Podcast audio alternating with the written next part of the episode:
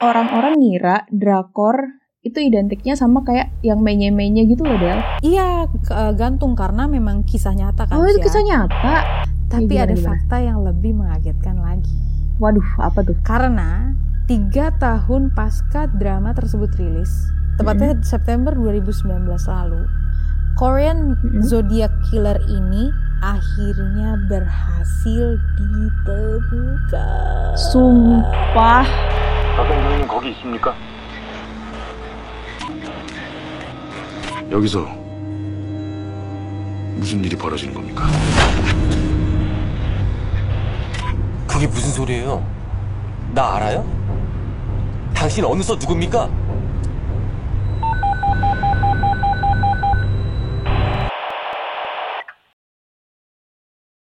Hai. Hey, Now you're on Spotlight.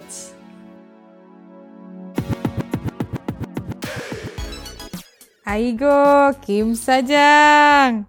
Aigo, Sung Sajong. Ya, itulah opening dari episode ini. Kita langsung closing aja karena malu-maluin. Ya, terima kasih Spotlight, teman-teman Sudah Spotlight sekian sudah dan terima kasih kami. teman-teman. Gadeng. Gading. Ya, pokoknya intinya di episode mengapa kita mengawali episode ini dengan aigo-aigoan karena of course sesuai dengan uh, cover dari episode ini kita mau bahas Korean drama fever dengan highlighting quote semua, akan, drakoran pada waktunya. Del, Hah. kalau kamu kan udah agak lama ya nonton drakor ya? Dari kapan sih Del? Aku tuh mulai drakoran pas lagi libur SBMPTN menjelang kuliah tahun 2016. Jadi waktu itu Oh. lagi gabut-gabutnya kan kayak baru baru selesai SMA terus masuk kuliah tapi jedanya tuh hampir tiga bulan gitu. Terus waktu itu lagi nyari-nyari bahan tontonan aja karena film udah mulai abis dan udah mulai bosen gitu. Jadi eh, nyoba drama Korea eh seru gitu. Ya udah akhirnya Hmm. sampai sekarang deh gue. Apa tuh? Pertama kali kamu nonton apa? Ya, Drakor. tunggu dulu. Lupa lagi judulnya. Oh, dulu tuh eh, ini Marriage Not Dating. Males banget gak sih judulnya? Aduh. Aduh, apaan lagi tuh? iya, jadi kayak ya biasalah plot-plot yang tipe arranged marriage gitu-gitu. Dulu tuh gue suka oh, banget. ngerti banget, Heeh. ngerti banget. Gue Iya, suka iya, banget iya. plot yang kayak gitu. Makanya gue nonton eh gue nonton itu gue kira itu film. Gak taunya itu drama dan seru episode satunya. Makanya gue kayak ya yaudah gue lanjut eh 16 episode ya ternyata ini drama Korea gitu. Keterusan ya. Heeh, kalau lu gimana Syah? Nah, aku tuh sebenarnya baru-baru aja. Soalnya aku adalah salah satu orang yang kena sindrom semua akan drakoran pada waktunya itu tadi. Oke oke. Terus Iya, gimana jadi tuh?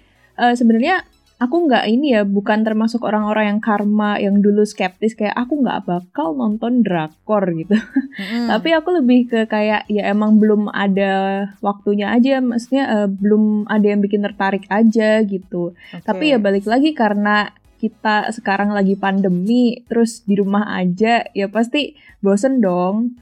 Eh, akhir-akhir ini kan juga banyak banget ya drama-drama yang lagi eh, populer banget dan diomongin banget tuh. Mm, Kayak kemarin tuh Itaewon Class sih, aku pertama pertama nyoba drakoran lagi tuh nonton Itaewon Class itu dan ternyata Wah. wih seru banget gitu. Tapi tapi menurut kamu sebagai orang pengidap sindrom eh, semua akan drakoran pada waktunya, menurut kamu apa sih alasan utama orang kena sindrom tersebut? Hmm, oke.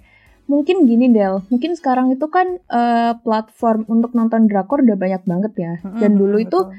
Kayaknya orang kalau nonton drakor tuh emang karena dia tuh suka sama Korea-Koreaan nih, Iya, ngikutin iya. artis-artisnya kah atau apa gitu dan nontonnya kan juga kayak butuh effort nggak sih kayak download dulu apa segala macem. Iya iya iya. Nah, karena sekarang udah tersedia nih, terus akhirnya ya udahlah boleh lah kayak orang lagi iseng-iseng gitu nganggur nonton dan emang sekarang kan lagi banyak banget kan orang yang tiba-tiba mendadak drakor juga betul. gara-gara banyak banget drakor yang bagus-bagus juga kan. Terus Betul, kemarin betul. tuh juga sempet rame yang ini si pelakor-pelakor tuh apa dia namanya? Eh, ini the the world of the The married World of the Married, couple ya. nggak salah. Ha-ha, betul. Iya, itu kan Sama. jadi banyak banget orang yang suka drakor jatuhnya. Karena Iya. mungkin gini, em, dulu itu orang-orang ngira drakor itu identiknya sama kayak yang menye-menye gitu loh Del. Tapi Yes. setelah aku nonton ternyata wah bagus-bagus juga ya kayak ya kalau kita milih eh, genre yang bukan romance atau nggak romance romance banget tuh ya sebenarnya banyak kok yang bagus-bagus gitu. Eh, berdasarkan drakor yang udah pernah lo tonton, kira-kira favorit lo apa sih? Aku sebenarnya aku nonton drakor cuma dikit sih, tapi yang paling favorit banget, yang paling membekas banget itu adalah ya apalagi kalau bukan yang jadi cover kita hari ini Satu, eh, dua, tiga. ini. Satu dua tiga bareng-bareng. Eh, Reply, Reply semua. 1980. Kayak udah Ya, kok beda kita. Udah amat. Eh, satu, dua, tiga. Reply. Reply 1988. 1988. Spesifik spesifik yang 1988 ya. Iya betul. Karena aku pas itu nyoba yang sebelumnya nonton belum yang- nonton. Eh udah nyoba nonton cuma kayak wah kok kayaknya bagusan yang 88. Ya karena lo suka sama Itu. Jungwan ya gak sih? Iya banget. Ya ampun, aku tim Jungwan guys. Kalian tim siapa? Aku tim Jungpal juga. Maaf ya guys, kita agak ngubu nih di sini tim tim Jungpal. Iya cuy. Tapi aku setuju loh sama kamu yang bilang kalau banyak loh drakor yang nggak menye-menye. Soalnya eh, dari dari journey aku nih selama ya kurang lebih empat tahun eh, menekuni, cia menekuni, menekuni drakor ini. Aku mulai explore gitu eh, genre-genre yang ada di drakor, mulai action, kedokteran-kedokteran, misteri, sama lah pokoknya kalau di dunia perdrakoran itu sama kayak film. Terus kalau kamu sendiri nih selama udah empat tahun nih nonton drakor, kalau Mm-mm. personal favorite-mu apa? Kalau aku ya, em, ini cepet aja ya, biar Iya. para pendengar spotlights, teman-teman spotlights yang budiman ini nggak bosen. Eh, aku udah Apa nonton tuh? Kill Me Heal Me, Goblin, Crash Landing on You, Tomorrow with You, Signal, Reply 1988, Chicago Typewriter, Romantic Doc- Doctor, Romantic Doctor Teacher Kim, Oh My Saking Ghostess, Oh My nih. Venice, It's, It's Okay It's Love, Weightlifting Ki- Fairy Kim Bokju, dan yang Wow. terakhir itu aku nonton My Mister kemarin Hmm. baru aja selesai. Nah, Gimana tuh? nah My Mister itu ceritanya tuh eh, bukan yang menye-menye gitu loh, Syah. Jadi eh, aku makanya aku setuju banget sama yang tadi kamu bilang kalau banyak drakor juga yang nggak menye-menye. Ada juga yang action, kedokteran, misteri, bahkan tentang kehidupan sehari-hari pekerja eh, kantoran gitu kayak yang aku habis tonton di drama Korea My Mister. Hmm. Nah, eh, fun fact aja nih, My Mister itu pemeran utamanya adalah bapak-bapak di film Parasite kalau kamu tahu. Udah pernah nonton Parasite Oh, kan iya pasti? Pernah dong. iya. Nah, ngomongin film, mungkin fi- perfilman Korea juga akhir-akhir ini lagi bagus-bagusnya ya. Eh, Yuk, yuk bener banget. Eh, makanya orang tuh mulai curious sama perfilman perfil karya-karya film Korea eh, ataupun drama Korea lainnya gitu. Kayak Mhm. eh, contohnya aja nih Parasite. Waktu itu menang 4 eh, Empat awards, kan ya? awards ya. Oscar ah. iya. Betul. Nah, Parasite ini yang sutradarain itu sama kayak film Snowpiercer yang lagi ada seriesnya tuh di Netflix, Okja, sama Memories of Murder. Oke. Nah, ngomongin Memories of Murder, aku ada sedikit Mhm. cerita nih, Syah. Uh, gimana tuh? Jadi, eh, film Memories of Murder ini dirilis tahun 2003. Eh, film ini merupakan adaptasi misteri pembunuhan berantai wanita paruh-baya yang terjadi di Korea Selatan, tepatnya di Hwasong pada 15 September 1986 sampai 3 April 1991. Kalau eh, pendengar Spotlights yang Budiman ini familiar sama The Zodiac yang ada di eh, ya western lah ya. Ceritanya mirip sama itu karena ada pembunuhan berantai yang sulit sekali diungkap identitas pembunuhnya.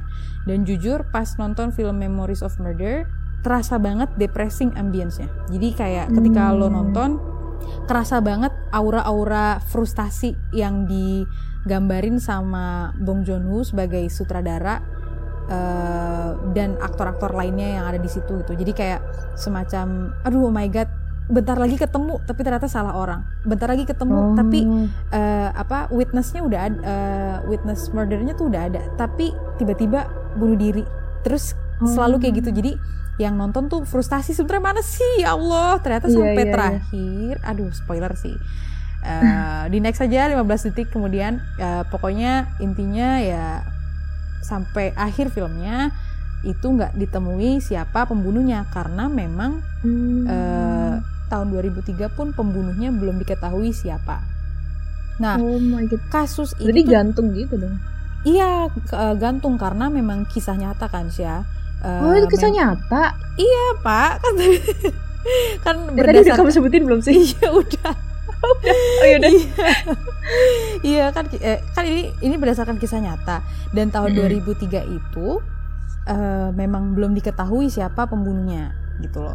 Nah, Oke. saking melegendanya, kasus ini tuh selalu diadaptasi sama beberapa eh, film dengan be- berbagai judul dan juga drama Korea.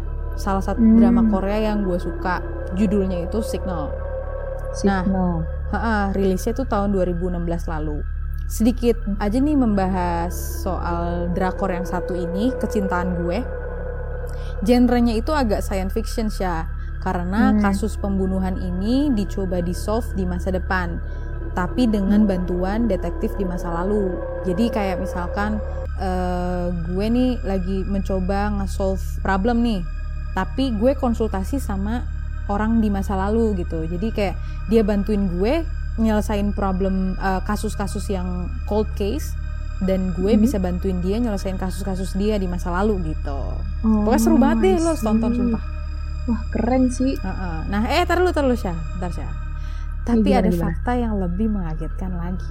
Waduh apa tuh? Karena drama Signal ini tuh dirilis tahun 2016, oke? Ya, oke. Tiga tahun pasca drama tersebut rilis, tepatnya September 2019 lalu. Kira-kira berapa ya? Belum setahun lah, belum setahun yang lalu. Korean Mm-mm. Zodiac Killer ini akhirnya berhasil ditemukan. Sumpah. Anjir, terus lanjutannya gimana itu? Eh, buat yang kepo aja nih pendengar Spotlight ya, dengerin. Namanya itu Lee Chun Jae.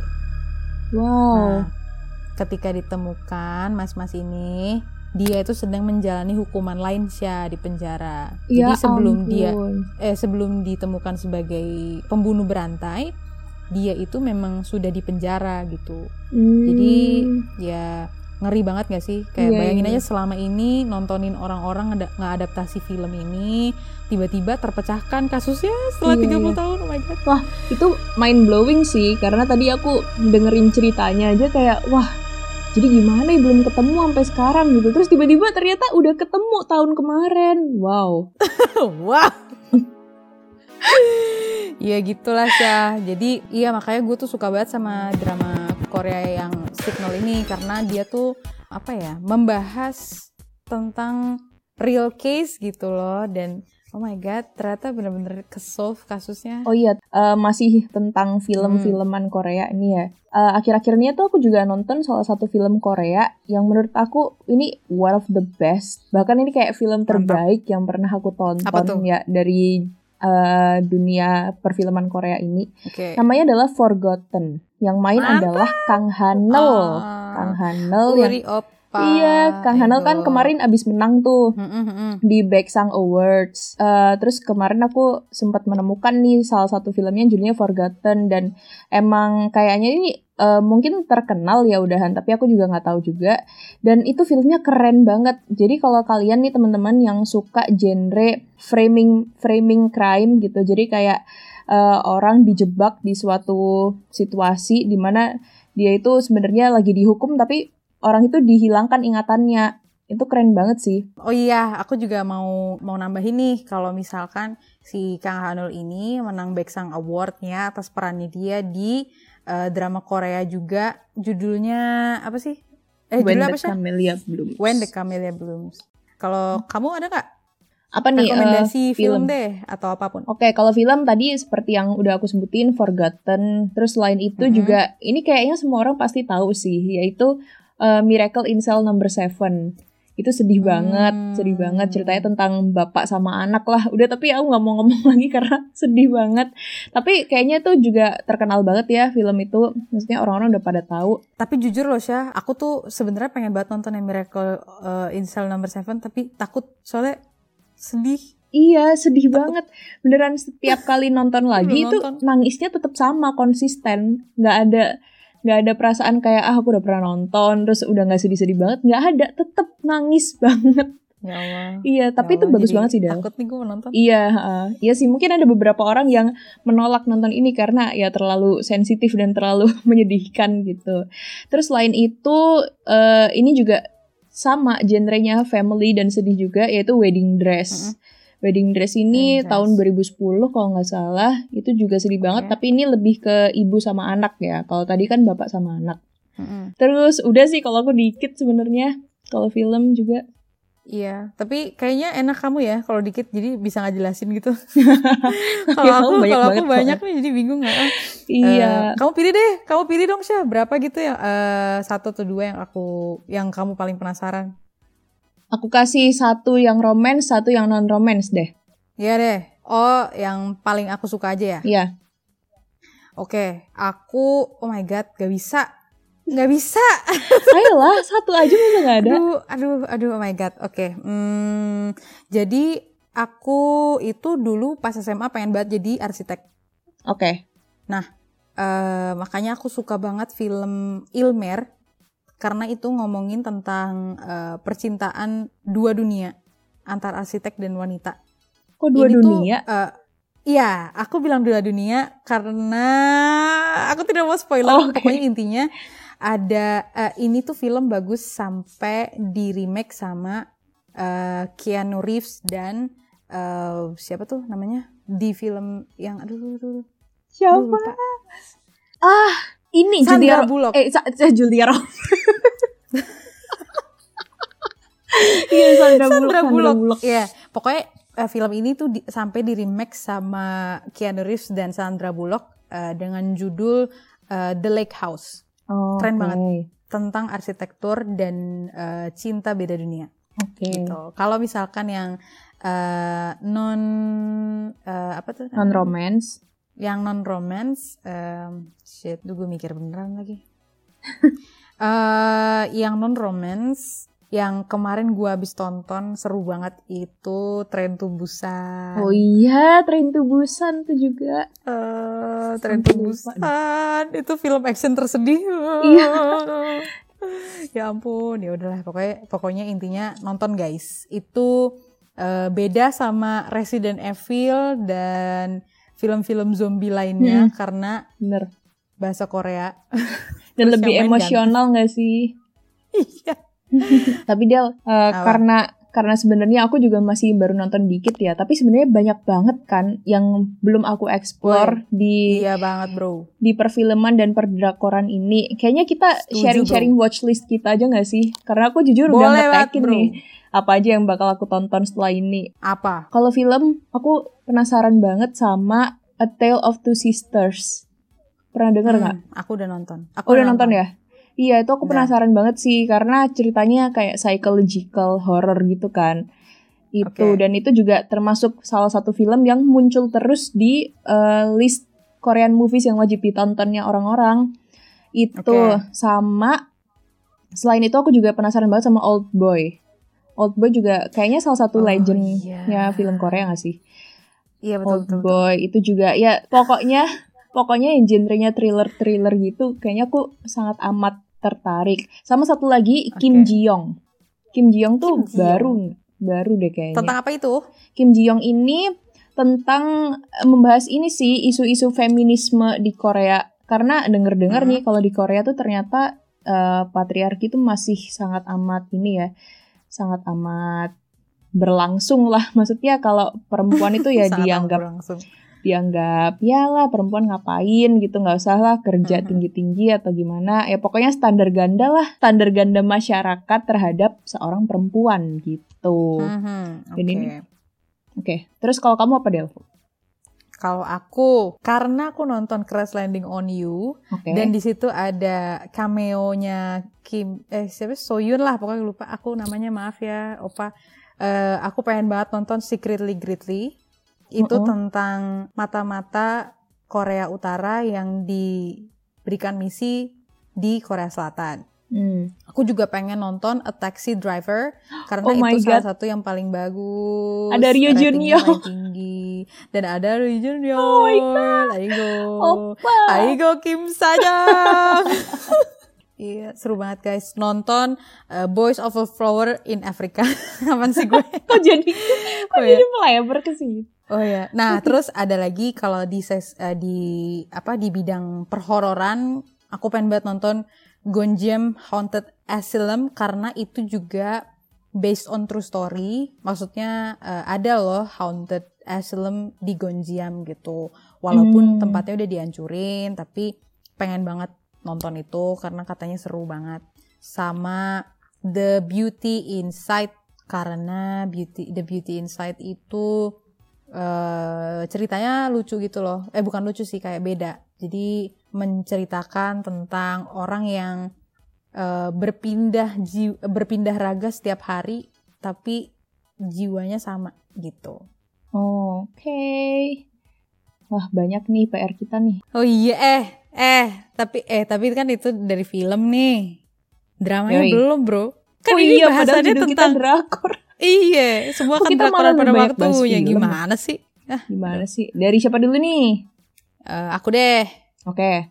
Aku sekarang lagi peng lagi nungguin It's Okay Not to Be Okay supaya cepet-cepet uh, finished karena menurutku itu oke banget dan raising issue tentang mental illness gitu dari episode aku belum kepikiran apa yang jadi watchlist. Eh, Midnight Runners itu drakor apa film? itu film pak. Aduh. itu seru banget. Oh iya shit. Aduh gue lupa lagi nyebutin itu sebagai film favorit gue. Ya udah intinya Midnight Runners. Oh my god lupa. Ya udah oh iya uh, terus uh, apa karena karena Netflix muncul itu membantu banget buat aku uh, tahu drama-drama yang harus ditonton ya kayak Hospital Playlist terus Mr. Sunshine uh, terus ada beberapa yang nggak ada kayak Healer Life on Mars Stranger dan lain-lainnya gitu. Yo, eh. Oh my god, seru banget sih ternyata. Sya? Aku kalau aku watchlist drakorku ini aku pengen nonton Hospital Playlist dulu sih karena aku udah nonton Reply sama uh, Prison Playbook nih. Itu satu sutradara dan satu writer kan. Dan ini Mhm. uh, semua drama yang ditulis dan disutradarai sama dua bapak ini tuh selalu membekas di hati gitu loh, Del. Betul. Tapi Gimana? sorry nih OOT sedikit Hospital Playlist, terus eh, Prison Playbook, terus Reply 1998, eh 1988, eh 1994 dan 1997 eh, disu- ditulis sama orang yang sama dan disutradarai sama orang yang sama. Makanya Iya. hasilnya bagus-bagus. Iya bagus semua dan eh, kayak selalu ada Easter egg-nya gitu loh di setiap dramanya. Jadi misalnya drama Hospital Playlist nih, pasti ada cameo-cameo dari drama-drama mereka yang lain gitu. Hmm. Seru banget nontonnya tuh kayak wah ini kan dari sini dari sini gitu.